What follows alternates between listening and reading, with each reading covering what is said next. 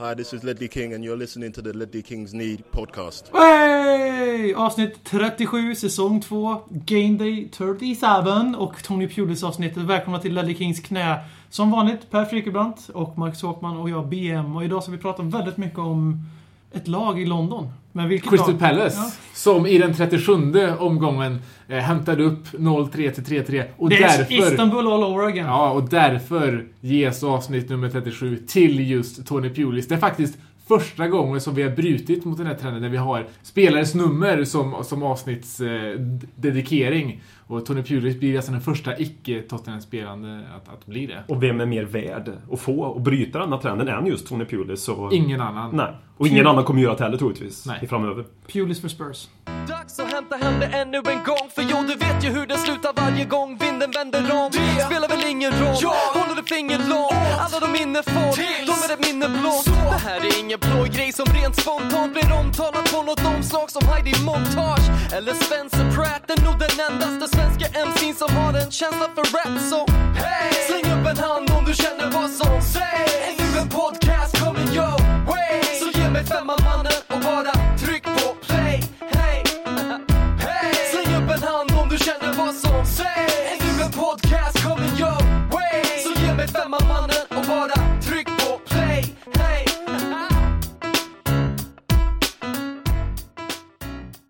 Från det vackraste som hände i omgång 37 av Premier League 2013-14 så går vi till det mest bizarra och det mest avgrundsdjupa hål av depression. När vi avhandlar West Hams tredje VM-guld samma säsong. Ja, de vinner ju inte var fjärde år utan de vinner var fjärde månad istället känns det som nu West Ham ett VM-guld. Så det får man väl gratulera dem för. Det, det är alltså det, historia har skett. De har för tre, första gången i sin klubbhistoria slagit Tottenham Hotspur tre gånger samma säsong i tävlingsmatcher. Mm. Och första gången sedan 98-99 vunnit dubbeln under säsong mot Tottenham som jag fick höra nu då. Och det, alltså det, jag kan ju bara gratulera West Ham. Jag undrar, jag vill också stå på läktaren och vinna VM-guld tre gånger. I helt nästan till betydelselösa matcher. Som inte har så stor effekt på ligatabellen och så vidare. Det, det är vackert. Jag hoppas själv få uppleva. Bland de här mysiga, fina bubblorna som de blåser ut innan avspark. Det är jättegulligt och Och så de romantiska gasljuden de hyschar mot våra spelare. Mm. Och de nazistiska ramsor som ekar utanför Bowling Ground eller Upton Park, eller vad man nu vill kalla den. Nej, fin publik. Mm. Vi var inne på jag det faktiskt- förra, förra avsnittet också. Så. Jag har ju faktiskt varit på eh, en West Ham-match. Ja. för några år sedan, så West Ham Reading och eh, Då körde vi lite uppladdning vi som var där och drog några bira på den här lokala puben som de eh, sjunger upp innan. Och 80% av ramsorna där inne var eh, bara om hat mot Tottenham faktiskt. Det är ingen överdrift utan vi är verkligen inte omtyckta. Upton, Det- Park, det Upton, Park är ju byggt som ett fängelse. Ja, det, det var hårt. Ja. Kändes det som när jag gick där. Det var liksom var, var, eh, vad säger man, var femte person där, eller 50% kanske säga mer, hade halstatueringar på sig. Så jag menar, inte för att det symboliserar ondska på något sätt, men det, det, i mina ögon ger det en viss Respekt. hårdhet. Ja, Ja. precis på det sättet. Det är ju inte vem som helst som pallar att tatuera sig på halsen om man säger så. nej. Nej, precis. Och, men i, där omkring så var det liksom no big deal, så att säga. En som har tatuering på hals, halsen är ju Adebayor. Har han det? Jag vet inte, har han det? jag, jag, jag tror att det var en bra övergång. Ja, Ja, ja. Han, han känns väldigt halstatueringskompatibel. Ja, det kan det hans, och hans nedstirrning av Paulinho efter 2-0 målet där de båda två vände sig bort från den där Ja. fis-strumprullaren av St- Downing då. Paulinho kan man ju förstå på något sätt. Han har ju ändå ett VM hans- som kommer Ja. snart. Han vill ju vara hel och Han frisk vill, inte, inför han vill inte Så, bryta revbenen Nej. på ett sånt hårt så skott. Paulinho är ju förlåten. Men Adebayor, han har inget VM. Men vände sig bort och sen stirrar ner Paulinho efteråt medan Michael Dawson då som den fina, fina lag, lagkaptenen blir helt nipprig som de sa på Viasat och skäller Mm. ut båda två medan Paulinho, eller förlåt, Adebayor var väldigt på det klara med att det var ju Paulinhos fel att han vände sig bort också och inte Hur- bara Adebayor. Hur mycket egentligen tar de åt sig av den utställningen tror ni? De här två utav. Om Dawson ger dem en rejäl avhyllning där och då. Liksom, Men det, tanke- det är nog glömt. De spe- sitter hemma och spelar Fifa sen 23.30. Ja, ja. Han har ju inte svårt att sova den Med tanke på att det då spekuleras i att Adebayor faktiskt har sagt inför hela omklädningsrummet att AVB var mer eller mindre clueless som tyckte att Michael Dawson var klubbens bästa mittback, vilket Mm. AVB givetvis inte tyckte, men man säger så när man har utsett någon till lagkapten. Mm. Så har jag nog svårt att tro att någonting Michael Dawson säger har särskilt stor effekt på Emanuel Adebayor. Sen hur sant Alltså- det här är, det vet ju inte jag givetvis, men... Min fråga är mer, har någon effekt på någonting någon säger Nej. till Adebayor Nej. när det är kritiskt? Utan det kan ju inte knappast vara hans fel. Det är ju bara att se så. Det är ju så jättetydligt exempel där vi pratar om det. här, Att det blir en frispark, Stuart Downing slår den i mål. Både och Paulinho flyttar sig lika mycket åt sidorna. Paulin, eller Adebayor känner inget eget ansvar. Alltså, då, han, då går han till angrepp mot Paulinho då, när båda bär lika stort ansvar till det inträffade. Det säger ju en del om se på sig själv. Som ansvar till vissa incidenter. Nu ska man ju liksom inte backa bandet 10 år och det här har vi förklaringen nu till allting som hänt. Men Nej, det säger Men en- någonting en- ändå kan jag tycka. En som man faktiskt nog lyssnar på är ju faktiskt Sherwood. Och det Sherwood stod på läktaren, eller stod, förlåt, stod vid sidlinjen och gjorde saluten till Adebayor där Ja. hans, hans lagkaptens agerande mot Paulinho. Ja, men Adebayor sa här i sin senaste intervju att vad som än händer med Sherwood efter säsongen så kommer han alltid bära med sig honom i sitt hjärta. Så alltså? Ja, ja, han sa så. Ja men det är ju inte orealistiskt. Sett hur han sa också att. Sherwood skulle lyckas vad som helst för att han vet minsann vad det krävs att vara professionell fotbollsspelare. Ja men ja, ja, ja. Men, Ja, ja, ja. Han kommer alltid bära med den i hjärtat. Ja. Ja, det är starkt. Harry alltså. Redknapp gråter Han har ju inte- han, han, han har ju bara sagt det om sin hund förut, Adebayor. Han har inte sagt det om någon annan människa kan jag tänka mig. Nej, De, precis. men de kanske återförenas i Norwich. Ja, det är inte omöjligt. Nej, men det är ju en rimlig klubb för Sherwood att gå till. Nu var, jag, nu var jag väldigt hård mot Emanuel Adebayor som kanske är lite för bra för att spela i Norwich. Men, Ja, men man rim- vill ju gärna se den här bromansen få utvecklas. Ja, ja, absolut. Och eh, det är en rimlig klubb för Sherwood att komma till. Han eller Malky Mackay då till Norwich. Men, Det känns som att Dan Bromansen har oerhört potential. Det känns Ja. som att vi inte alls har sett piken på den ännu, utan det kan komma Kanske behöver vi tre år i Tottenham till och med båda två för att få se toppen av det här. jag hoppas ju att de följs åt i alla fall. Oavsett. Går eh, Sherwood till eh, en annan klubb som man kommer göra, då vill jag att Adebayor bara säger ja, ja, jag Jag följer med. Och tar en lönesänkning på 70 000 i veckan. Ja, precis. Allt för... eh, True. Då skulle jag helt plötsligt ha, hålla Adebayor i väldigt mycket högre standard än vad jag gör nu. Om man Gå ner till en målbonus bara. Ja. 2000 pund per mål. Han går, skriver på för Chesterfield Pay as, you, liksom. pay as you score. Mm. Nej, men eh, på tal om Stuart Downing som ändå sköt den här frisparken som verkligen förtydligade bromansen mellan Sherwood och Adebayor på tal om dåliga övergångar. Mm. Så är också Downing var ju också integral i den första händelsen som mer eller mindre avgjorde den här matchen då när han och tack vare Danny Rose kladdande på boll blir ja, kroppstacklad bakifrån av Jones Kabul som åker på en friläggsutvisning. Som jag faktiskt tycker är helt korrekt. För det är många som säger att Michael Dawson är i linje och ska hinna upp. Jag tyckte inte så i realtid och jag tycker inte så efter jag sett reprisen heller. Jag tycker att snarare att Alltså Downing rasar ju ihop och inte ens då är Dawson i kapp utan Dawson tar bollen som rullar vid sidan. Och Jag hade blivit förbannad något enormt om det hade varit åt andra hållet. Harry Kane blir nedsopad av valfri West Ham-bonkare och i, i den situationen har det inte blivit rött kort så jag blir väldigt upprörd. Så jag köper det röda kortet. Ja, Det är alltid en viktig infallsvinkel att ha. Man ska jämföra sig. Hur har man reagerat om det varit åt vårat håll istället? Och jag tycker också som, som BM att det är en att det är utvisning. Som, som regelsystemet ser ut. Att Ja. det, han, han, han kommer ju till skott där.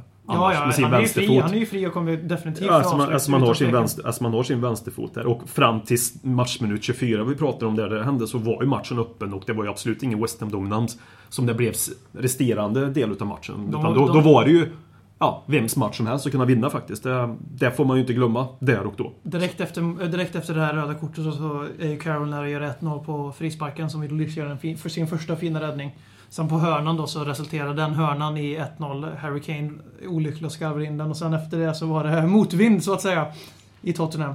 Men Ja. eh, jag är helt med Håkman att fram till det röda kortet så kan man inte säga att "Nu, det här är så sjukt att vi sitter fram till det röda kortet så var vi minsann inte sämre än West Ham. Det, det, 24 slog, minuter. det slog mig precis hur absurt den här, det var. Men eh, Men det är, det är ju sant vi också. tappade ju matchen vid röda kortet. Det, vi hade mycket väl kunnat komma undan med tre poäng.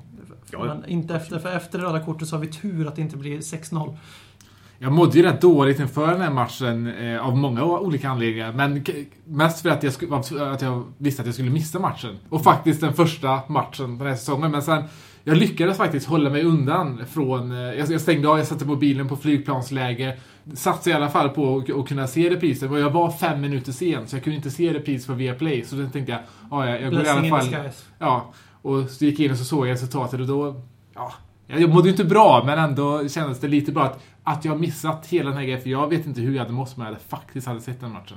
Eh, vi, som vi har ju pratat om att analysera 2-0 målet, men om man ser 2-0 målet, om man ser muren, eller Paulinho Adebayor, Alltså, och de andra hoppar ju också. Det ska man inte heller göra när det är en då frispark. Så det, känslan man får då är ju att det är så symptomatiskt för den här säsongen att våra spelare inte ens är beredda att ta en, en, ett skott i magen för det här, den här klubben just nu. Och det var på något sätt som att få den där sista sparken när man, när man redan ligger nedslagen.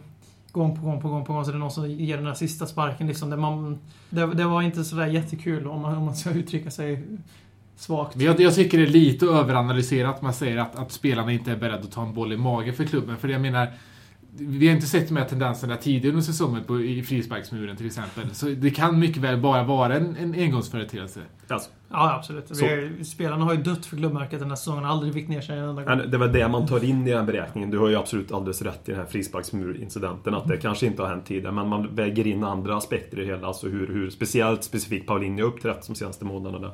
I vissa närkampsmoment och sånt där. Och, eh, då- Men det är som att säga, han har en ursäkt. Ja, jo han har ju det. Men alltså då blir det väl också det, att det är just de två som gör det. Det är Ja, det också lite grann. Som blir det ännu värre. Alltså jag tror ju inte, nu ska ju inte de stå i någon mur, men till exempel då som Sandro, så står där. Eh, Som jag tycker nu för tiden tyvärr begränsade fotbollsspelare, men de hade inte flyttat sig i muren tror jag faktiskt. Nej, men det, Det handlar, precis- nog inte om, det handlar nog inte bara om stolthet i klubben, det handlar om vilka typer de är som fotbollsspelare. Liksom. Ja, men precis. Men just eftersom vi har, alltså, sen i december så har ju Adebayor varit den här klubbens frontfigur på plan. Och då tillsammans med Loris, the goalie. Och Så- Eriksson. Ja, de tre. Och då är det så här att när en av de tre gör den här grejen, då blir det, då blir det tydligt för mig. Framförallt eftersom det, jag menar, jag skiter i hur fel spelare är. Det ska inte finnas en spelare på plan som inte tar ett skott i magen för att förhindra ett mål. För alltså målvakten är körd i ett sånt läge. Det är ju som i hockey. Ställer du två gubbar framför målvakten så ser inte han pucken om du flyttar på dig. Då får du fan ta pucken eller så får du inte stå i vägen. Det, det hade inte blivit samma reaktion, tror jag heller, rent psykologiskt, om det varit andra spelare som gjort det än just Paulinho och Adebayor. Paulinho har ju fått ett visst rykte under, speciellt under våren, att uppträda inte för klubbens egna bästa, utan för sitt eget egna bästa och vara hel till eh, fotbolls-VM Brasilien 2014. Men, eh, och när det är just han och Adebayor som flyttar sig, då tror jag det blir en Det större, värre. större grej utav det. Det är ju en stor grej, naturligtvis är det det. Men det blir en ännu större grej för att det är de två som gör grejen, så att säga. Men eh, för att tala om ingenting så den här matchen på förhand var ju ganska uppsnackad då eftersom det var från West Hams håll då. De var faktiskt, hade fortfarande en liten chans att åka ur Premier League. En extremt liten möjlighet tyvärr. Och eh, det var ju snack om att Big Sam skulle få gå för att de spelar tråkig fotboll. Och det gjorde de ju den här matchen också. De spelar på sina styrkor.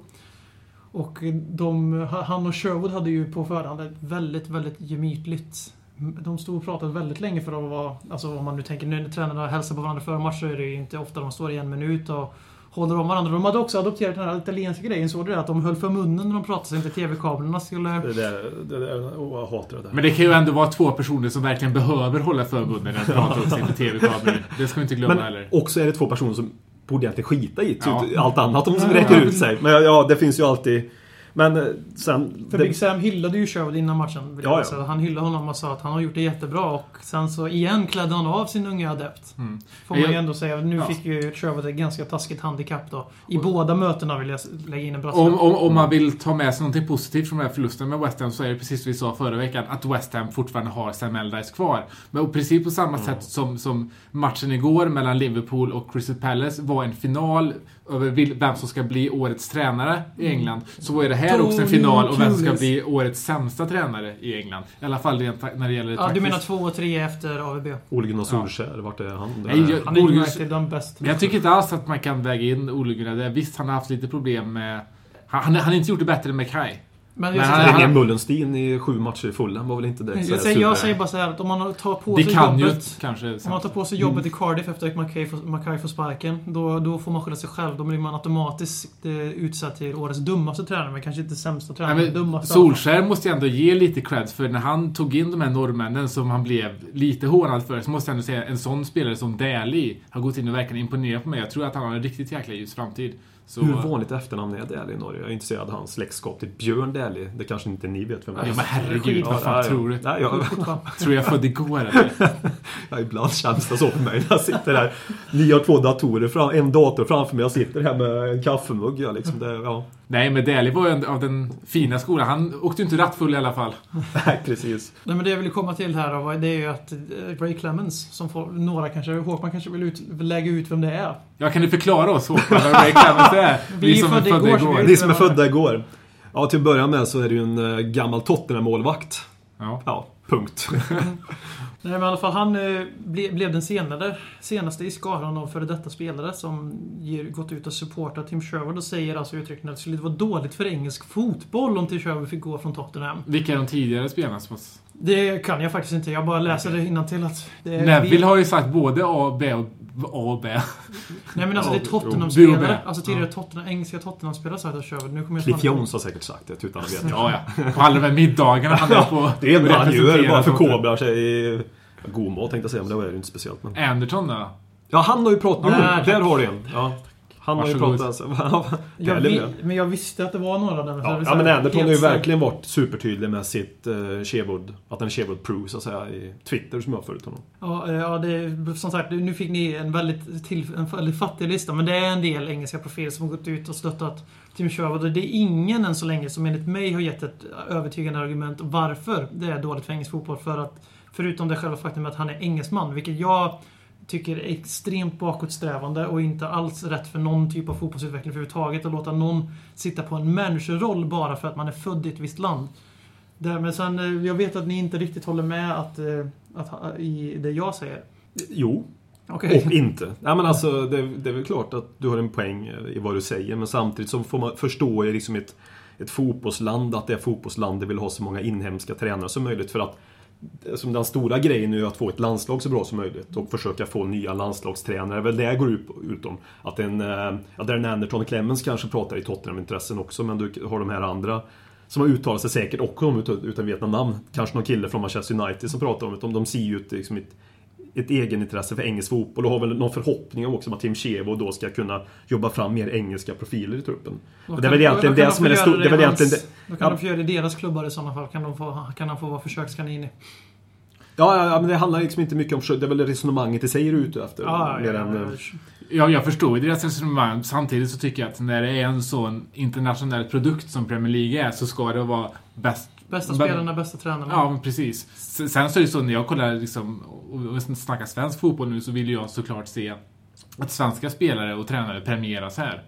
Eh, Men samtidigt som, som jag säger med grejen med Premier League att det är en internationell produkt. Det är ju kanske världens bästa Ja. liga. Då är det andra regler som ska gälla också. Men, Jo. eh, om, visst, håller ni med om, jag tycker att det är en annan diskussion just på managerposten när det gäller spelarna. För att visst, alltså en tränare, det är ändå blivit vanligare att man tar in även internationella tränare till landslag. För att få landslaget att prestera så bra som möjligt. Snarare än att det ska vara just en engelsman som tränar i England och så vidare. Att jag tycker att det är viktigare att man då tar hand om att det blir mer engelska spelare eller brittiska spelare i Premier League snarare än Mm. att man börjar inkvotera tränare. För tränarrollen är så fruktansvärt utsatt. Mm. Och att det, där krävs det verkligen kompetens och då ska man inte begränsa sig själv som klubb och ta in någon som är född i ett land, för det tycker jag är väldigt bakåtsträvande.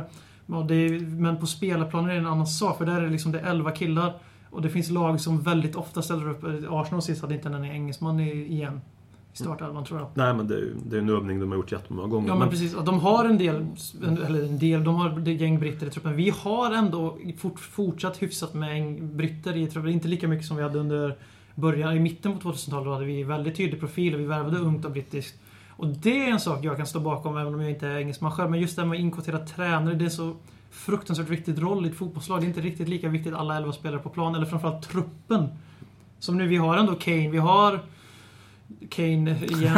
Kane, Dawson, jag var tvungen att ta en andningspaus. Kane, Den Dawson, engelska fotbollsprodukten gör sitt, Rose, ges till känna. Norton, Walker. Och sen har vi ju eh, Pritchard och alla vad de nu heter i ungdomslagen. De flesta är britter då givetvis. Men ibland det med att gå tillbaka till tränarna, ibland blir det liksom en trendsättning att man ska ha en viss typ av tränare. Man, man, nu har man sökt sig mycket till den spanska fotbollen känns det som i England. Alltså som Pepe Mel till WBA att istället för att kanske kolla de här engelska banden där bak med Sean Dyche och de här i Burnley som nu gjorde Boy Cup med Burnley. Nu behöver vi inte ha något specifikt men så kollar man till Pepe Mel som, eh, ja, det har ju gått sådär kan man väl säga för honom. Och han, får inte, han ska ju inte bära hela hundhuvudet för den här teorin. Men det, det är ändå, jag kan förstå den teorin att det blev en trend att man tror ibland att det som är är på andra sidan. Det som är på... Ja men till viss del. Men jag vill inte ha Ja, Sherwood för han- den sakens skull. nej, nej, nej, Men att det, gräset är alltid grönnare på andra sidan. För Clemens säger ju så att det är, en, så det är en obsession med att, ha, att man tycker att utländskt är bättre bara för att det är utländskt. Ja, till viss del. Jag kan se poängen där. Jag kommer ihåg en gång när vi mötte West Ham hade en internationell tränare som även han hade problem med att eh, fotbollsspelare inte riktigt kunde offra det onda i magen. Det var ju Martin Joll när vi, ja inte senast mötte West Ham, men det är faktiskt idag exakt åtta år sedan eh, den där hemska lasagnekvällen faktiskt. Det var den 7 maj som vi spelade mot West Ham och den 6 maj som de åt den där beryktade buffén med lasagne i. Eh, det slutade med, vad, vad blir det? 4-2 till West Ham i den matchen. Så, jag, jag minns att de gjorde 2-1 va? Vi, gjorde vi två mål? Det får gjorde 1-1. Banayon gjorde ett mål. Det, det jag, enda jag kommer ihåg är att Ledley pratar om att han gick in i omklädningsrummet som skadad och såg att hur i helvete ska det här gå till för hela truppen var mer eller mindre utslagen, det fanns ingen energi och, och resultatet har jag förträngt. Till och med Liv gick in i omklädningsrummet efter det. Ser en hel del. Alltså, För, er- för, för er som inte kommer ihåg så var det ju, det var inför sista matchen. Vinst Och vi- och vi hade gått till Champions League. Ja, vi behövde bara egentligen spela samma resultat som Arsenal. Ja. Och det var ju första gången som vi skulle då ha kommit eh, före Arsenal också. Och eh, dagen innan så, som Martin Jarl hade när det var även derbyn i London, var att vi skulle bo på hotell.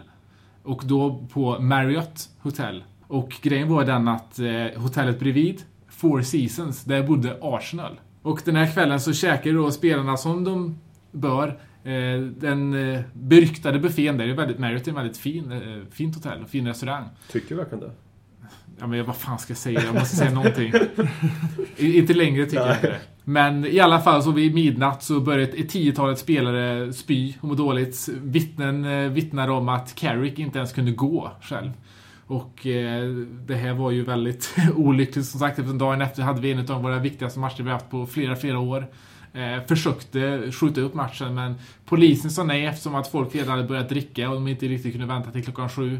Kunde kompromissa och ta det på fem istället för tre men eh, Martin jag tyckte inte att det skulle göra så stor skillnad. Så vi körde den matchen med i princip ett lag fullt av magsjuka spelare. Eh, Carrick bet ändå ihop och orkade en timme men eh, Tottenham som lag orkade inte riktigt. West Ham-supportrarna som vi har hatat var ju ändå eh, ganska pigga på att uppdatera spelarna om hur, vad resultatet var i Arsenal-Wigan-matchen även. Eh, som väl kanske inte hjälpte heller. Eh, men det var, måste ju vara en av de tyngre upplevelserna man haft som Tottenham-supporter. Jag kommer ihåg den där dagen mycket väl. Ja, Det var väl också Carricks sista match i Tottenham? Ja, det? bortsett från en match som vi inte själva spelar så är det nog den tyngsta. Ja. Alltså just Champions League-finalen. Eh, Jag minns ju omgången innan kunde vi avgöra då på, på Highbury som de spelade då Arsenal. Och hade ju 1-0 också. Fram tills eh, 70 minut någonstans. Så jag tror det var Adebayor som gjorde 1 målet. Ehm, och hade vi vunnit där så hade vi ju liksom säkrat Champions League-platsen på Highbury också. Mm. Och det hade ju smakat jävligt fint. Nu, nu vänder ju Håkman in det här klassiska idrottstränare-tänket. Liksom, att det är aldrig omständigheternas fel. Man har alltid haft makten i sina egna händer vid något tillfälle. Så, Så du säger att det är Tottenhams eget fel? Men för, för att öka på de här konspirationsteorierna lite så var det här, hade Arsenal missat Champions League där så hade det varit en oerhört stor ja, slag i magen nu om vi ändå är inne på ont i magen. Eh, för det var då de skulle flytta till Emirates. De hade stor, kunde få stora ekonomiska problem där. Henry var på väg att lämna. Men Marriott blev faktiskt friade för den här. Man inte, man inte kommit fram till någonting överhuvudtaget när det Alltså, gäller det här. Jag, jag, Och jag, jag kommer ihåg det så väl att liksom, och jag förstår det än idag inte, för det känns som att dagen efter så var det här som bortblåst. Även fast det är ju helt sjukt att sånt här händer. Och inte ens där vi kä- Tottenham käkade, att de ens får stå till svars för det. Att de helt frias från det. Det här var ju ändå någonting som kostade oss miljontals pund. Men vi kan, vi kan slänga in till konspirationen att det var Tottenhamspelarnas svaga psyken som gjorde så att de inbillade sig att de var magsjuka. Och bröt ihop under Och pressen. McKay kunde inte stå för han klarade inte av pressen. Precis. spela borta Därför gick han till. Manchester United sen. Nej, jag, jag skulle, skulle inte förvåna mig ifall det visar sig att eh, om hundra år när någon vågar säga sanningen eller hittar ett dokument, om det finns sparat något dokument kring detta, att mm, den röda klubben, vår fula granne, kanske har ett finger med i detta spelet. Det, nej. Alltså det är för mycket tillfälligheter för att det kunna hända. Ja. Det kan ju också vara en tillfällighet, men någon, jag, konspirationsteoretikern i mig vill ändå um, inte slå bort den tanken att det här inte är en slump. Nej. Skulle säga då att det fanns, vi kunde ju faktiskt ha skjutit upp den matchen. Grejen var ju dels att West Ham hade ju en fa Cup-final veckan efter. Och de ville inte flytta den dit. Och Livi vågade inte riktigt skjuta upp för att det fanns risk för att vi skulle få poängavdrag. Och det skulle också... Ja, game over oavsett. ja. Precis. Så jävla mycket som Man har ju provocerat efter- än idag utav de där åtta Ja, men- år eh, ja, efter. Men det känns så många, alltså det känns som att vi har för, många gånger som liksom vi har för, verkligen förtjänat Champions League och inte får det. Och det liksom har satt en, en slags, inte tradition, men en, ett djupt jävla sår i vår klubb.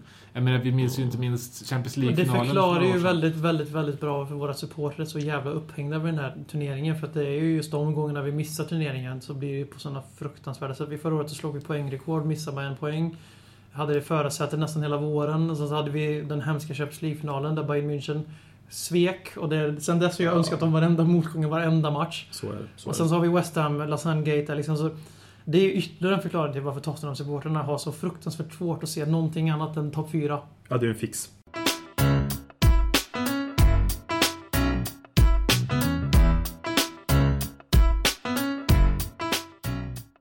Ja, efter att vi eh, förlorade där mot West Ham så blev det nästan en liten strid mellan Manchester United och oss om vem som kunde undvika Europa League i och med att Manchester United samtidigt gick och förlorade mot Sunderland. Och med tanke på nu att det verkar faktiskt som att vi har säkrat den här Europa League-platsen som vi i podden här har velat... Ja, det ska, det ska, Manchester United ska få spela mot Hull ikväll och vi ska låta sista omgången tala för sig, men det ser faktiskt ut som att vi En har poäng vi är i Europa League. Hemma mot Willa. Yes. Och vi bad er att ställa frågor angående just eh, Europaspelet. Och jag läser upp tre namn nu som har haft ungefär lite samma fråga. Det är Lars Corneliusson, det är Filip Forsell och det är Filip Svensson som helt enkelt undrar, är det bra eller dåligt för Tottenham att vara i Europa League? Eh, bra, tycker jag. Eh, sett till den eh, trupp vi har byggt upp här och nu. Att vi har en eh, stor trupp med många internationella spelare som kräver en viss speltid för att vara tillfreds. Alltså inte för att Tottenham ska liksom göra det bästa möjliga för Nasser Chadids karriär. Men hålla truppen intakt och hålla dem i trim och kunna hålla en rotation på dem då och kunna hoppa in med dem i matcher. Och att de är lite matchfitta, det tycker jag. Och sen ska ju alltid Tottenham som klubb ska alltid sträva av att få spela i Europa tycker jag. Vi är en så pass stor klubb. Eh, och det är bara att titta, det finns en ranking här som VM kommer prata om sen. Eh, hur- Vart vi ligger där och som symboliserar varför vi ska spela i Europa också tycker jag. Och mm, Bill Nicholson, vi var första klubben som vann i en europeisk mästerskap. Säger också någonting om vår historia och att vi ska ta Europas spel på allvar. Ja men precis, alltså, för jag känner personligen så älskar jag Tottenham så mycket som möjligt. Jag vill- att vi ska spela så mycket som möjligt. Det kanske inte alltid är det mest eh, logiska resonemanget att jag vill se Tottenham så mycket som möjligt. Det kan mycket väl vara en aspekt till att vi inte hänger med i Champions League-racet och jag tycker det är en fruktansvärd förenkling för vi har helt enkelt inte varit tillräckligt bra i år. Men mer om det senare. Jag vill att Tottenham ska spela så mycket matcher som möjligt. Jag vill att Tottenham ska åka till de här obskyra platserna i Europa. Så att jag någon gång kommer att åka på en away day i Transnistrien och se på Tottenham lira. Liksom. Jag, jag vill vara med om de grejerna som supporter. Jag vill att Tottenham ska komma till Sverige och möta Elfsborg på Borås Arena och ta över hela arenan med 1882 Sweden Style. Alltså, jag, har inte så, jag vinner inte så jävla mycket på att Tottenham är med i Champions League, förutom att det är väldigt roligt att vi är med i den bästa turneringen.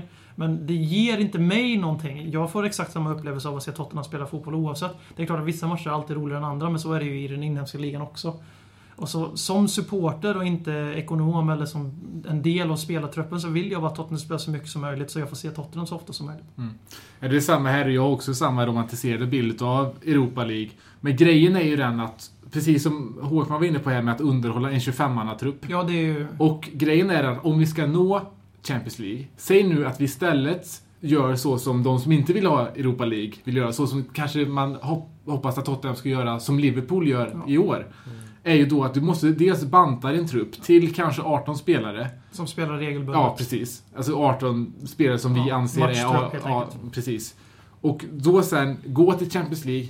Sen, under nästa sommar, bygga upp samma 25-mannatrupp igen med samma kvalitet som innan. Och det, går, det, går, det, fun- det fungerar inte så, utan man måste, hela, du måste ha den här typen... Precis som när du går och tränar för att bygga dina muskler så kan du inte bara ge upp när det är jobbigt, utan du måste bryta ner dig själv för att bygga upp de här musklerna. För vi kan faktiskt inte banta ner truppen nu och sen förvänta oss att vi ska bygga upp Köpa nu, samma trupp nästa sommar igen. Och, det, och, då, för att under, under, under säsongerna underhålla den här truppen, precis som Håkman säger, så måste vi faktiskt spela Europa League. Dock, den här säsongen så var det lite speciellt, för vi använde inte riktigt Europa League för, för att underhålla truppen. Vi använde den för att spela ihop laget. Och en helt annan femma än vad, vad Europa League egentligen ska göra för oss. Men det var ju för precis det du var inne på. Vi hade ju byggt upp en ny trupp för Ja, er. Vi precis. sålde nästan lika många. Vi sålde fyra, köpte in sju. Men vi hade ju byggt upp en europeisk kontinental trupp. Mm. som då behövde spelas ihop. Och nu har vi kommit över det hindret, så det ska inte behöva göras igen. Nu i sommar ska vi förhoppningsvis för, liksom, hålla kvar det vi har, göra en del vitala förändringar givetvis. Men det En uppgradering på ja, några en positioner. evolution, inte revolution. Nej. Och då behöver vi antingen vara med i Europa eller så får vi helt enkelt banta truppen som Per redan är inne på. Och sen så är det ju också så att man får inte glömma bort att det är nästan alltid samma klubbar som går till Europaspel. Även i Premier League så är det nästan alltid samma klubbar. Framförallt Champions League-kvartetten har ju varit likadan förutom att City och Chelsea har köpt in sig där och sen har de blivit ganska bofasta. Vi har stökat in 2010, Everton 2005 och så nu Liverpool 2014. Annars är det samma lag som går till Champions League. Så är det. Och då är det så de har ju, de har ju gått förbi det här. De har en euro- europeisk trupp. De kan hålla, de kan hålla tvåfrontskrig och de går ofta, nästan alltid till slutspel i Champions League de engelska klubbarna också. Och Tottenham har inte, vi har inte riktigt samma europeiska vana. Menar, vi har varit i Europa nästan varje säsong sedan 2008-09 där någonstans. Så vi har varit med och till och med lite tidigare var vi med Mm. när vi blev femma, femma. Då var det varannat år lite, lite grann och sen nu har det regelbundet flera år i rad. Mm. Så vi är fortfarande i det där stadiet att det är inte en, en jättestark del av den moderna Tottenhams historia att alltid spela i Europa och alltid spela i, i, bra i Premier League samtidigt. Och vi är, fortfarande in, vi är fortfarande inte i vaggan för det. Vi har börjat gå, men vi springer inte än liksom för att gö- göra en jättelam baby-analogi där. Men sen, alltså, oavsett om du spelar i Europa League eller Champions League så tror jag att, att det påverkar eh, ditt ligaspel. Ja, vi kanske, vi kanske offrar ungefär mellan spanska 6 och fotbollen 9 här, ja. poäng varje säsong för att vi är med i Europa League. Men samtidigt, det är ju Champions League-lagen också. Jag menar, kolla vilka som spelade i Champions League förra veckan, hur det gick för dem Ja. sen i ligaspelet. Atletico fick stryk, Chelsea fick 0 hemma mot Norwich, Real Madrid fick 2-2 mot 2-2. Valencia. Precis. Så det är ab- absolut påverkar det, men ur, man måste kolla på det också ur ett metaperspektiv. Att jag tror att det är bra för klubben för att vi klarar inte av att göra på något annat sätt. Sen- om vi ska faktiskt nå det där Champions League, som folk vill att vi ska göra när de säger att vi inte ska satsa på Europa League. Så vi deltar i Champions League, så vi bara var med i Champions League. Jag menar, nu är det ju en befängd dröm att Tottenham ska vinna Champions League de närmaste åren. Alltså det, men kolla på Atletico i och för sig som går väldigt tunt på sin trupp och gott, så det är inte omöjligt. Nu de är betydligt bättre än oss, men ni förstår vad vi kommer. Och att ska vi då kämpa så jävla hårt och kasta bort en chans till en europeisk titel. Men ko- kolla också vad det gjorde för Atletico Madrid att satsa på Europa League Ja. de här två Då fick åren. de ju vanan. Tvåfrontskrig med tunn trupp. De vann ju två i rad också. Men det jag vill komma till är att varför ska, vi, varför ska vi bara satsa på en turnering som vi inte ens... Alltså, vi vill bara vara med i en turnering som... Alltså vad är det för förlorarmentalitet? Varför ska vi bara vara med i Champions League? Då är det väl bättre om om vi inte... Eller vi ska ju säga att jag kommer alltid välja Champions League före Europa League om jag måste välja turneringen att vara med i. Men jag kommer aldrig välja sluta sjua och missa Europa än hellre än att vara med i Europa League bara för att komma till Champions League och deltaga. För det blir ju den realiteten som Per var inne på med trupp. Att vi kan inte bara förvänta oss att vi säljer bort sju landslagsmän nu. Lyckas på något vänster snurra in på en fjärde plats. Vi kommer ju helt av sig själv ha en Sturridge och en Suarez. Liksom. Det är, alla lag har ju sådana. Det är bara för att de inte är med i Europa som de två gör 30 mål. Liksom. Det är bara därför. Så då är det så att Ska vi då komma in i den här Champions League och så bara åka ut i kvalet då? Eller playoff eller inte ha en suck i gruppspelet? Alltså, jag vill ju kunna tävla som vi gjorde var med Champions League. Då var vi redo det året. Vi hade stjärnorna, vi hade varit med i Europa några år runt omkring. Det gick bra, vi gick till kvartsfinal. Då vill jag, vi ska ju alltid vara ett lag som försöker tävla. Och just nu är det så att nu har vi inte chansen att komma till Champions League i år. Då ska vi fan med tävla i Europa League och försöka vinna den skiten. Just. Särskilt eftersom det nu också ger en biljett till Champions League. Och vinna Europa League. Eh, Det är väldigt få lag som kan tävla i Champions League numera och ehm, det är ju den moderna fotbollen på något sätt. Det känns som vi har sett Real Madrid i semifinal för eh, elfte turneringen i rad och Bayern München för elfte turneringen i rad. Så det är väldigt många som har det här dilemmat när de kommer in i Champions League. Fördelen med Champions League som alla förstår, det är ju inte bara det att, det är att klubben kan växa snabbare. Ja, absolut. En genväg där, Eh, ekonomiskt med att kanske möjligt förstärka klubben med någon spelare som vi kanske inte hade fått annars. Även om jag tror att i, vårt, i våra ögon sett så hade vi kanske inte fått så mycket bättre spelare än vi har fått förra sommaren. Men man vet ju aldrig. Det kan man aldrig veta säkert. Så det är ju fördelen med Champions League och att eh, ja, det är glorifieringen kring, kring, kring turneringen som har blivit bland alla spelare också. Och det är media liksom, det. Ja, men spelarna läser ju media. Även om Ja, de säger att de inte läser absolut, media. men- Och det är, ju, det är ju den turneringen som gäller. Alla pratar ju om Champions League. De pratar ju Champions League är ju nästan större än VM. För vissa. Det var bara, en som faktiskt pratade om Europa League i väldigt positiva termer var ju Loris, men jag tror vi pratade om det förra podden. Att han, alla fall han sa ju att spelare bryr sig visst om att vara med i Europa. Är, nu vet vi inte hur mycket det här som bara är munläder som allting spelare säger. Och det är väldigt många spelare. Många vill ju göra den här förenklingen att hade vi gått till Champions League, då hade Modric stannat kvar. Och sen igen, hade vi gått till Champions League, då hade Bale stannat kvar. Och säga nej, det hade de inte, för det var Real Madrid som knackade på dörren. Däremot om det kommer en engelsk klubb som kommer etta till tre och vi blir fyra och försöker köpa våran stjärna, då skulle vi aldrig sälja dem. Jag tror inte vi hade gjort det ändå. Men kommer Real Madrid så kommer vi alltid sälja våra spelare, även om vi är med i Champions League eller inte. Kanske särskilt om vi är med i Champions League, för då har vi redan uppnått det stora drömmålet. Men Loris är våran absolut bästa spelare. Han är målvakt så han får, får väl vara... Jag sa bästa målvakt förra podden och blev för, förlöjligad. jag tycker han är vår bästa spelare och har varit genomgående där. Och, han tycker att det betyder någonting. Då, om han tycker det, då tror jag ganska övertygad om att de andra i truppen också tycker det. Det ska bli intressant att se nästa år nu när Liverpool har säkrat Champions League-spelet att se om den här teorin som jag förde fram håller. För jag tror att Liverpool behöver fem, sex, Ja, kanske till och med sju fina värvningar. ändå. Såklart inte startning, världsklass namn allihop. Men, och jag tror att visst, de kan få ihop de här spelarna, men det är inte alls säkert att de gör det och gör de det så är det inte alls säkert att det faller väl ut. Så jag, jag tror att Liverpool kommer att ha väldigt stora problem nästa år. Jag tror också att Everton kommer att ha väldigt stora problem.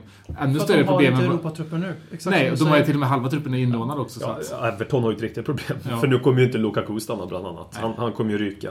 Men om, om vi är lite inne på här, så vill jag ta upp en fråga från Alexander Eriksson. Han frågar, vad är det som Tottenham mest behöver utveckla för att gå långt i Europa?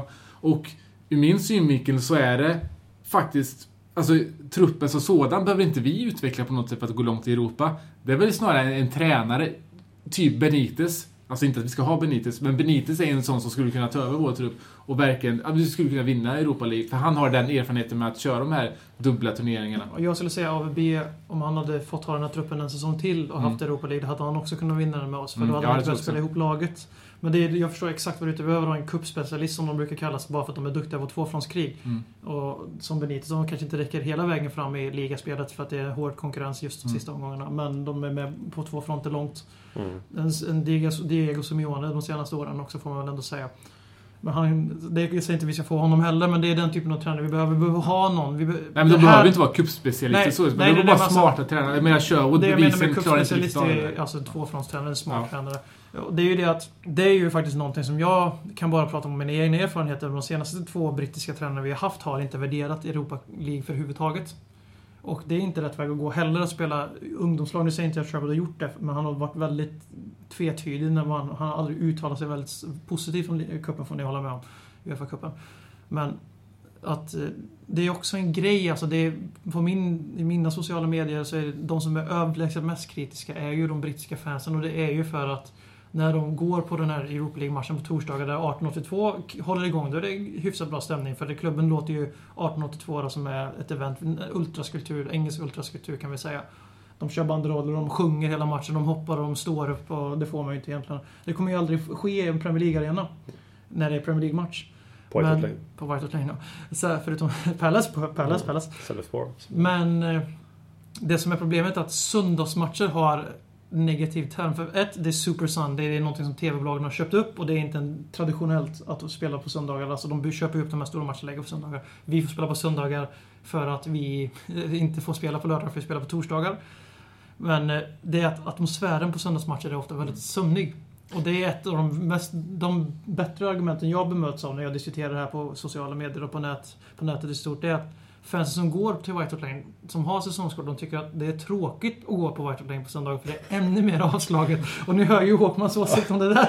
Sen, sen, är det, sen är det svårt för en spelare som Adebayor att hinna med först gå till kyrkan och sen hinna med att spela match också. Så det är hela den aspekten också.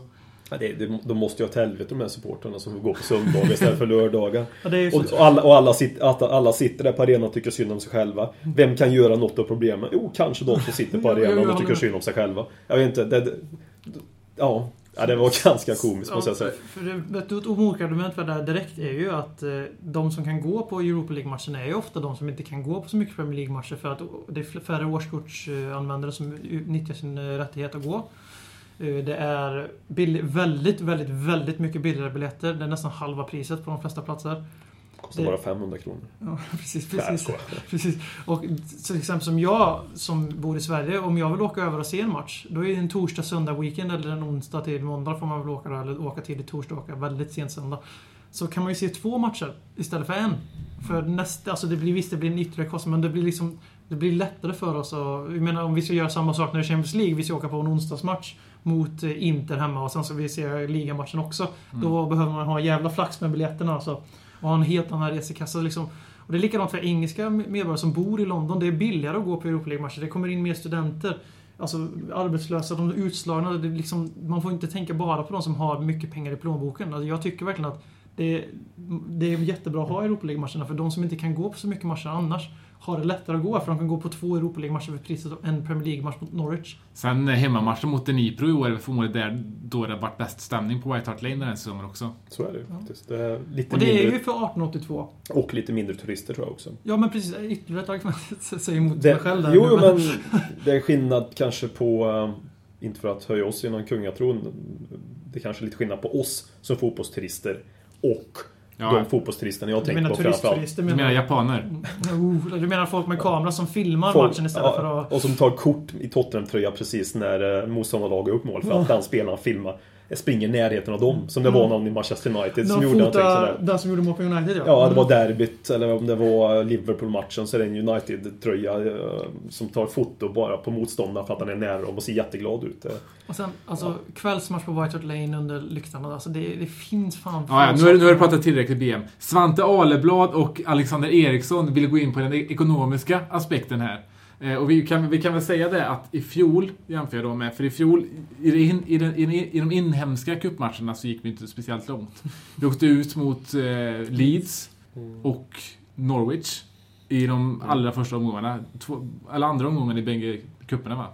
Och i ligaspelet totalt så, alltså matchdagsintäkterna var för ligaspelet 22, eller 21,5 miljoner tror jag. Och intäkterna Pund. för ku- cups... Vad sa du? pund.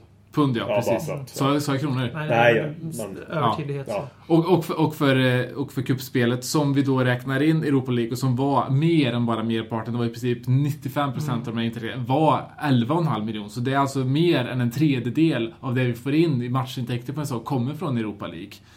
Eh, sen ska vi lägga till där också de, de bonusarna vi får som inte alls är så små som kanske har varit förut och som en tro som kanske lever kvar också. Att det är faktiskt inte så stor skillnad mellan Europa League och, och Champions Men ser League. man ju svenska lag har ju börjat snacka upp Europa League precis Mm. lika mycket som Champions League nu. För Mm. att det är nästan Ja, samma absolut. pengar. Framförallt, det, det är liksom, de är ju svenska klubbar, de har andra förutsättningar. Men att de verkligen bryr sig om Europa League är ju för att de vet att de tjänar in ja, Mm. en, vi- eh, 70% Sen, sen är det också så att jag kollar på de operativa kostnaderna för det här. Och det, de operativa kostnaderna för vårt Europa League-spel är 1,5 miljoner pund. Om du jämför det med det vi drar in så skulle Livi vara ganska, Mm. Ja, ganska precis. glad. Så ekonomiska argumentet är ju självklart. Det är Europa, Europa varje år. Vilken av dem spelar ju ingen roll. Vi ska vara i Europa för vi vill tjäna pengar på det. Mm.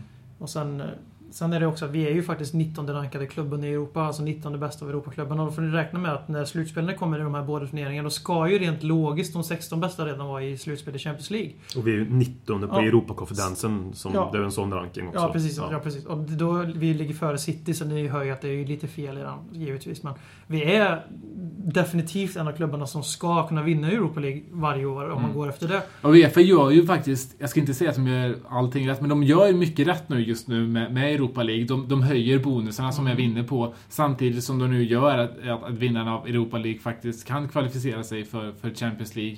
Eh, sen har de såklart vissa saker att jobba på, vilket är det med att Champions League-lagen kan komma in ragom till slutspelet. Och kanske att det ligger på en onsdag, men det är det mer TV som är inne och, och, Men det, och det pillar är på för det att de där. lägger båda europeiska cuperna samma veckor. Och de måste Mm. bara köra varannan vecka på ett ställe. Ja, Så att, eh, man kanske borde ha Europa League på tisdagar och Champions League onsdag, torsdag. Man liksom Ja, börjar Ja. Europaveckan med en liten teaser för många och sen höjer man. Ja, men då, då går de in där, liksom, de vill ju sälja ut så många Champions League-matcher som möjligt också. Ja. så Ja, bara ja, ja, men precis, alltså det- Men så som du är inne på, köra varannan vecka. Liksom. Mm, Så att det blir Europa tisdag, onsdag, vecka 12 och så vecka 13 så kör de Champions League istället. Liksom. Ja, ja Istället för att göra som nu. Men jag tror i alla fall att Uefa är inne på rätt väg här. De börjar arbeta mer med Eu- Europa League som koncept och att det ska, att det ska löna sig mer även för de stora eh, klubbarna i de stora ligorna. Talkman show, Talkman show, Talkman, Talkman, Talkman show.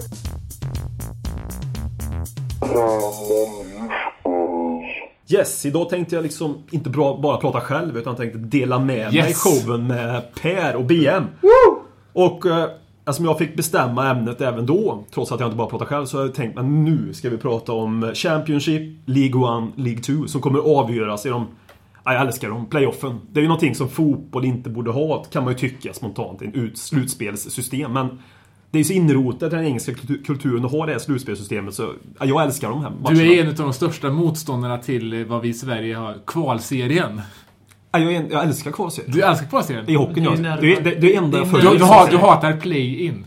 Som Ja. för. helvete. Eller kvalserien i ishockey Ja, okej. snabbt, den, den tycker jag om. Det är det enda jag följer nästan. Förutom när Djurgården vinner och går upp då. Ja, det såg bra ut. Då, firar, då, då firar vi. Ja, det, ja kanske.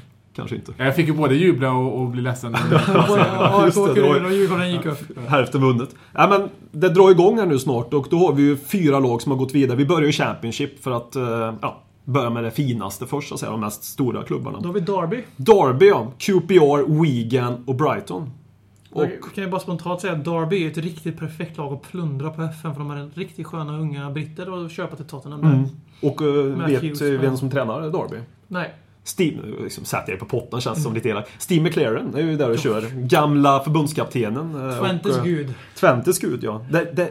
Europeiska hoppet i England kan man säga. Men Claire, så var den som tog ut David Bentley till landslaget också. Det var så ja. Ja. ja David det- Bentley som... att han så- har tränat engelska landslaget? Det roliga med det, när han tog ut David Bentley, en lite rolig anekdot där. Han spelade ju i eh, Blackburn då tillsammans med Robbie Savage. Mm. Och det, det, under den här tiden så det var väldigt mycket snack om att nu ska David Bentley få chansen i landslaget. Och det här visste ju lagkamraterna såklart om. Så på morgonen då David Bentley gick där på morgonen, för man brukar få ett samtal vid nio så här på morgonen om det är första gången man blir uttagen. Så David Bentley gick där på morgonen och väntade på det här samtalet. Robbie Savage som är en liten ja, prankare eh, ringde ju då upp David Bentley. Han såg det David Bentley att det var eh, eh, dåligt nummer, så han tänkte ja fan det är McLaren. Robbie, så var det Robbie Savage där som ja, förstärkte sin röst till, till, till McLaren och sa ja grattis, grattis du har kommit med i landslaget. Och David Bentley blev liksom helt utom sig av glädje liksom när han la på det bara sprang, ringde alla han kände bara så jag kommer med i landslaget, jag kommer med i landslaget. Hoppade upp och eh, som glädje hånglade upp sin, sin flickvän där. Det var inte som då, som stillsamt grät och glädje. Nej. Fem minuter senare ringer det dolt nummer igen. Sen så, nej jag svarar inte på det. Fem minuter senare igen, dolt nummer. Nej, fan det kan jag inte svara. Tredje gången efter en kvart. Ja, jag får svara på det. Svara. Ja, tjena du, det är Steve McLaren här. Du har kommit med i landslaget. Vad snackar du om? Så du har kommit med i landslaget? Ja, fan du ringde ju nyss. Och, ja. In. Garvet därefter. Garvet därefter. Det Och var sen, bara en liten... eh, efter det så spårade David Bentleys fotbollskarriär ut. Så vi Precis, säga han- att det är Robbie Savage fel. Eh, Bentley var ju faktiskt eh, i, i TV för några dagar sedan på Life's a Pitch och berättade om, om liksom vad som hade hänt i hans, hans karriär. Nu har jag tagit över Håkan. Kör på, kör på. Frikebrand show! Jobba med Bentley, Ja. det var Nej, intressant. man hade ju sagt att han, han fell out of love with football. Att han, han, var, han, var väldigt trött på att... Eh, vi har ju varit inne mycket på hur kanske sociala medier har Väldigt påverkat Danny Rose. människa. Ja, men vi har varit inne på mycket sociala medier påverkat Danny Rose. Det verkar ha väldigt mycket, i väldigt hög utsträckning ha påverkat David Bentley. Fast det förstörde hela glädjen med fotbollen. Och att folk hela tiden ska berätta för mig hur jag ska spela. Och också att jag får hela tiden statistik på hur jag har spelat. Det förstörde hela kärleken för fotbollen. Jag Och det- tror det har inte sociala medier om det störde så mycket. Alltså, Nej, men det, det, det handlar ju inte bara om, om sociala medier, det handlar om att Ja. faktiskt man tar in väldigt mycket statistik också i hur man utvecklar fotbollsspelare. Och när, när hans kontrakt gick ut med Tottenham i fjol så flyttade han ut till Spanien, likt Ellen Hutton, i tre månader, som blir sex månader, som blir ett år, och nu ska han bli farsa, så nu har han lagt skorna på hyllan för gott. Vilket är fruktansvärt tragiskt, Mm. måste jag säga. Det är väldigt, väldigt tråkigt öde för en kille som var så lovande för inte så jättelänge sedan. Ja, väldigt fin högerfot. Det var ju det han... Det var ju en, eh, som han de gjorde, pratade om, han en gjorde ny ett vackert mål Beckham. mot Arsenal. Ja, och, Och, när, eh, Levy out för vad han gjorde mot David Bentley. Ja, så och fick det- vi in det i det här avsnittet också. och det vackra målet han gjorde mot Arsenal, det var ju QPRs tränares andra match. Harry. Redknapp, den kunde Redknapp. Ja. QPR är lite roligt, om vi ändå inne på, var inne på Atletico Madrid förut, så QPR har faktiskt Oh. samma lönebudget som Atletico Madrid har i Hade de inte högre lönebudget än eh, Dortmund och Atletico Madrid till och med? Jag vet att det är antingen samma eller högre. Det var när de sålde Christoph Samba kanske som de gick under. Alltså, oavsett det vilket så är det ju helt befängt. Ja, ja alltså det, det som har hänt med QPR i år, det är ju... Fan, det, det är väldigt underbetyg till Redknapp. Att, De, de gick ju som ja, tåget. han ska ju promenera hem sedan. där. Jag ser att Håkman är nästan lite sur på oss för att Nej, nej, nej. stulit det här segmentet. Jag, jag ångrar. nej, absolut inte. Det är jättebra Tugg. Ja. Och vi fortsätter jättegärna. Fortsätt. Nej, jag, jag har inte mycket mer. Jag De tappade, tappade farten helt och hållet helt Ja. enkelt och gick från solklar direktavancemang Ja, då ska att vi nu- promenera hem den här till att serien. nu ligga 13 poäng från direktavancemang och nu måste playoffa då. Ja, de ska. Trots Tom Carroll och Benno i SOK2. Och så Mm. har de väl även till en liten speciell kille. Är det Morrison som är där nere och härjar nu? Vem då? De har lånat in en till sån här problembarn. Nu säger inte jag att... Revel Morrison från Ja, West Ham har de lånat Jo, in. men det det, är ett visst tema. Han, han, Harry Redknapp köper ju väldigt mycket en viss typ av innermittfältare. Det finns väldigt få som gör jobbet. Du har Kranjčar, Revel Morrison, Jussi Benayoun. Du har den Och typen av spelare. på samma mittfält hade Ja. de. Den matchen jag såg så hade de de fyra på samma Det, det, mittfält. det Extremt passar inte i. Championship kanske. Nej, jag känns som att det, Det är kanske... Redknapp. Du ska ha en sån- Det är, det är fucking Rabbit. De, de hade ju förra året en Sean Dyer som eh, nu tränar för Notts County som gjorde det jobbet, det här slitsamma defensiva jobbet som kanske inte var den mest fantastiska fotbollsspelaren men eh, det behövs ju även de i ett lag. Tar de sig upp? De är ju utan tvekan det dyraste laget. Ja men så är det ju. Nej, jag tror ju inte det. Jag tror ju att de kommer ju få möta Wigan här i en uh, första semifinal-playoff. Den, den tror jag Wigan tar. Uh, just för att Wigan har varit i momentum, gått lite sämre på slutet visserligen men uh, jag tycker nästan Wigan har ett bättre balanserat lag utifrån ja, Kanske inte, inte namn tight. för namn så att säga, men ett bättre lag. Sen eh, Brighton gick ju vidare här i sista sekunden och tog eh, sjätteplatsen. Och det På kan... ju- Reddings bekostnad så På står fyra på arenan. Ja men precis, och det kan ju betyda någonting att du kommer in eh, nästan som Oj, det här är bonus att få med det här eh, playoffen, att du stärker utifrån det. Men vi avrundar. Derby, QPR, Wigan och Brighton. Vilka ser vi i Premier League 2014-15? Eh, tråkigt svar, men eh, jag tror Derby ändå. Jag säger QPR för, på Harry Redknapp-effekten. Jag kommer bara njuta, precis som jag njöt i fjol när vi hade den fantastiska matchen mellan Watford och Leicester. Mm. Som har gått till historien till en av de bästa avslutningarna någonsin tror jag i fotbollshistorien. Så det ska bli intressant. Man älskar ju de här matcherna för att det verkligen gäller... Det, det, det är inte bara att det gäller någonting, utan det gäller allt. som bäst det i fotbollen är som bäst. Det är exakt Jag menar, vi var ju på... När vi var över till London i, i fjol och såg på, på kvalet till League 2. Jag menar, det, är ju, det gäller verkligen. Det var då podden adopterade Newport County. Ja. Newport, vi, vi förfestade med Wrexham i alla fall. Ja, ni var inte med och förfestade. Vi förfestade med Wrexham men stod i Newports kurva. Det var stor dos av horeri från min sida sett där. Jag var Ja. på båda delarna. Eh, Du gjorde ett utbildat val. Så kan man också vända på det. Ja, eller så var det slumpen som fick avgöra allting. Nej, Eh, på tal om den divisionen som Newport kunde ha spelat i nu, League One. Som alltså är tredje divisionen då, så att säga, för att förtydliga. Då har vi Leyton Orient, Rotherham, Preston och Peterborough. Leighton Orient som är väl bäst kända för att ha haft David Beckham på lån där. Det var mer än vad jag visste. Kanske inte vad det kanske jag kan. Det är mycket möjligt att jag blandar ihop. Mm. Men jag, Vi har haft ett lite, lite, litet samarbete med Leighton. Tidigare De år. eh, slog mig så att jag nästan missade playoff när jag spelade med Swindon som precis missade playoff i verkligheten också. De slog mig så jag nästan missade playoff på tv-spel så jag hatar Leighton Orient. Jag gillar Leyton Orient. De har haft samma tränare, Russell Slater, under fem eller sex år. Och eh, på tal om kontinuitet även kan man jobba med de lägre divisionerna. Väldigt liten budget har Kåker var väl också på lån där? Det var nog ja.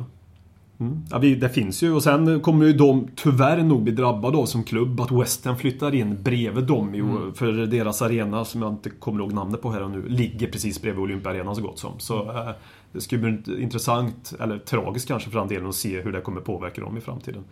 Eh, och de låg ju upp, de låg etta, tvåa större delen av säsongen eh, men tappade det på slutet och det är ju en jätte, jättesensation att Leyton Orient är där de är liksom och blir trea i den här divisionen med den minimala budgeten i League One-mått mätt de en minimal budget.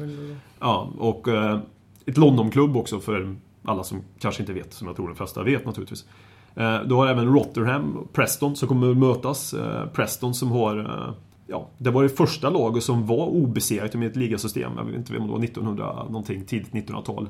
Det som Arsenal också gjorde för X antal år sedan. De har också bara torskat två av sina senaste tio och gjort näst mest mål i serien. Så det är ju ganska formstarkt lag som Mm. kommer in i playoff. Ja men pre- precis. Och sen Rotherham som är nykomlingar i divisionen som har tagit sig till en fjärde plats. Var det de du pratade Ja. om? Ja, jag tror det var Preston. Ja, du har Rotherham som BM pratade om det med få förluster på tio matcher.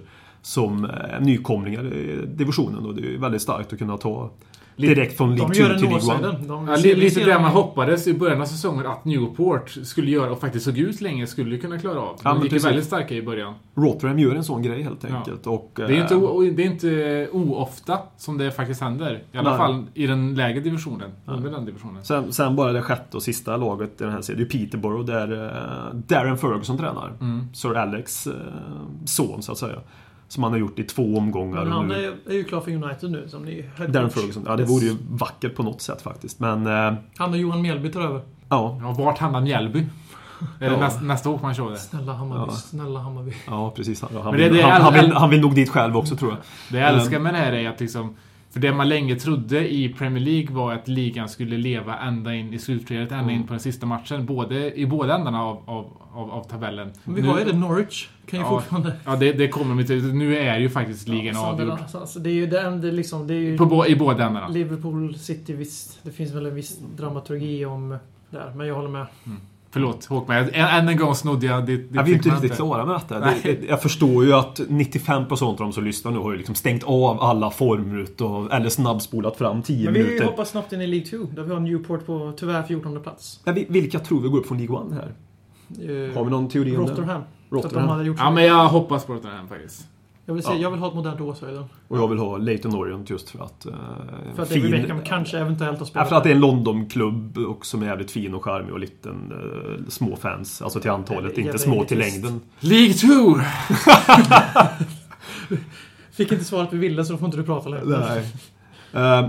Här är ju också den eh, li- ligan som personligen också har minst koll på, jag villigt Jag erkänna. bara säger nu att Håkman show upp i 12 minuter. Ja, men det kan ju också bero på Nej, jag skojar bara. åtta minuters David Beckham. Ja, Eh, som också var det bästa i delen, vill jag också säga. Du har Fleetwood, Southend, Burton, York. Och där är det tight vill jag säga. Det är inom fem poäng de här fyra lagen. Så det Som är handlar om. tight. Eh, Det som vi var inne på det här med, vi pratade om engelska tränare, att de inte får någon chans längre om högre seriesystemen. Enligt vissa och enligt andra så är det rätt. Men här den här divisionen, League 2, alltså fjärde divisionen, har vi två gamla fina tränare som ändå tränar i Premier League båda två. Du har i eh, Southend, har du Phil Brown som eh, var i eh, Hull City och tränade. Och så har du i York som blev sjua och tog sista playoffplatsen här, har du Nigel Worthington som tränar Norwich och nordirländska landslaget. Så de har ändå sökt sig ner och det är ändå lite respekt att de släpper lite prestige och, ja, som jag sa, söker sig neråt i seriesystemet för att få träna, fortsätta sin tränarkarriär. Även Harry Redknapp har gjort en resa. Ja, men han har inte tagit det långa steget Nej, tillbaka vet, direkt. Han, han åker ner istället. Ja, han hade ju, och Harry Redknapp hade ju definitivt inte, han har ju för mycket prestige Harry Redknapp, så han hade ju inte gått till Plymouth eller Mansfield eller Bury, någonting sånt där. Eller, Han- Fred, han- eller Preston som hans faktiskt revis- David Beckham faktiskt spelade. Inte Leighton som jag sa. Måste Han, hans revisor i form av hans hund hade heller inte gillat att han tar lag i de lägre divisionerna. Mm. Och Sen har du ju som, som Fleetwood där som blev eh, fyra var närmast en direktkvalificering. Är ju det laget som eh, ja, de har spenderat ganska mycket pengar. ja, Återigen, i League 2 mått Med deras mätt. mått mätt, ja. Exakt. Och eh, bara för det så önskar jag att de inte åker upp. Jag vill få upp Southend för att de har en jävligt charmig arena. Och eh, ja, det räcker som anledning för att jag vill få upp dem helt enkelt. Southend. Så du, om du sammanfattar, så har du, så har du Derby, Leighton och Southend helt enkelt. Så sa jag. Och det måste jag bara också, bara för att avsluta detta 20 minuters Hawkman Show-avsnitt så det, det charmiga med de här klubbarna när de väl kommer till Wembley och det som jag tycker gör engelsk fotboll stor att det är de här klubbarna även kan dra ihop en 20 000 till en direkt avgörande playoff-match. Det, det, det är storhet med engelsk fotboll att små, små klubbar har så mycket supportrar ändå som bryr sig om sin klubb. Där finner du läktarkulturen i England. Absolut, det lever han fortfarande också. Talkman show, Talkman show, Talkman, Talkman, Talkman show.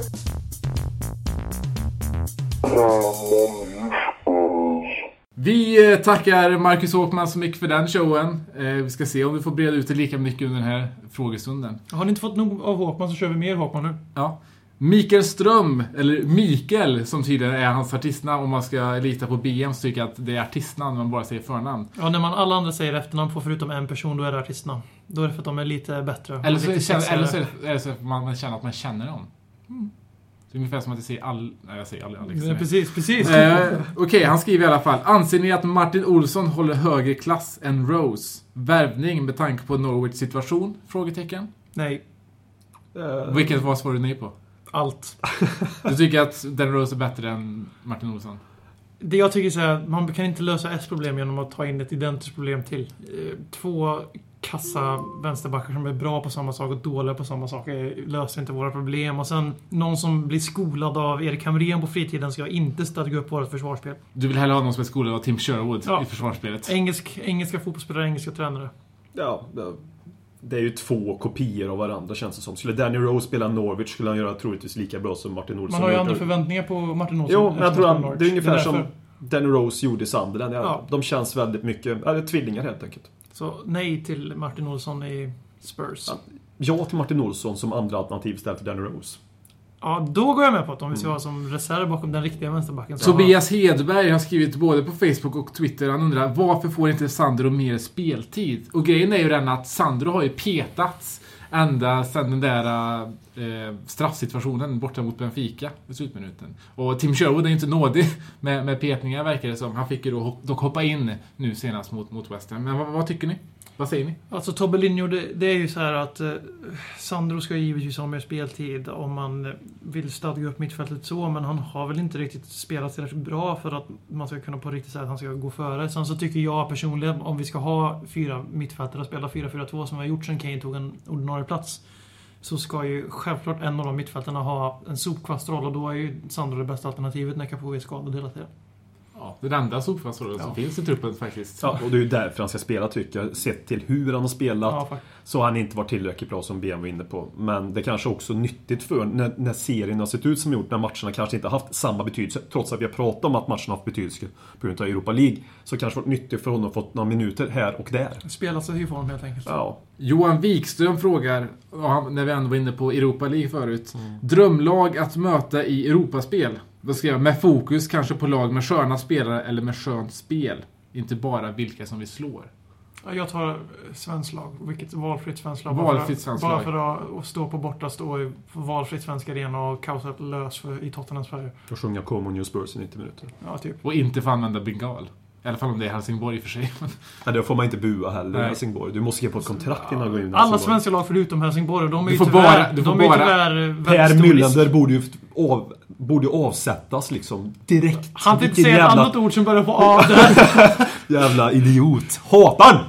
Du får bara applådera står Inte Helsingborg då. Tyvärr är det 50-50 att de blir Europa League-lag. För de har ju Elfsborg där. Så alla svenska lag förutom Du säger Helsingborg. svensk lag. Marcus Håkman.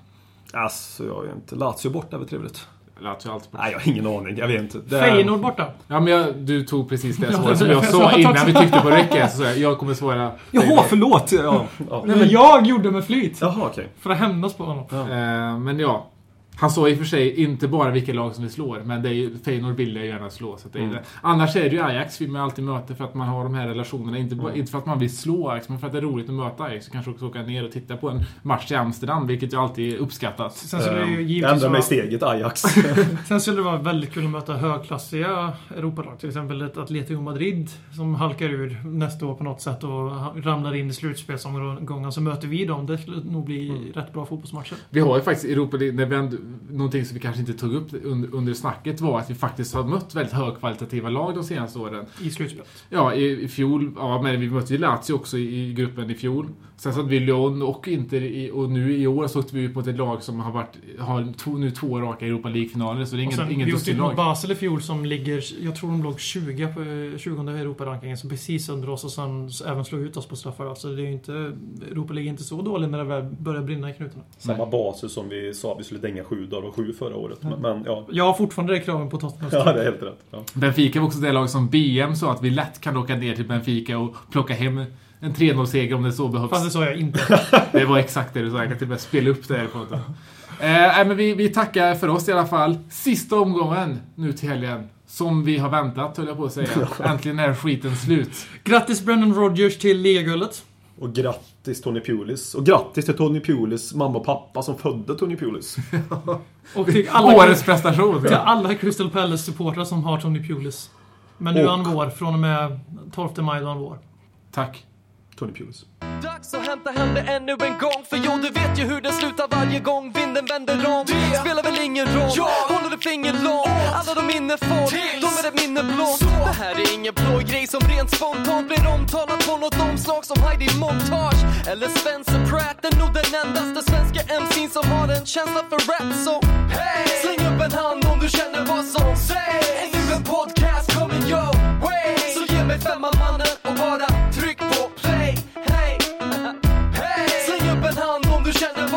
sig! Ännu en podcast Kommer jag? way! Så ge mig femman mannen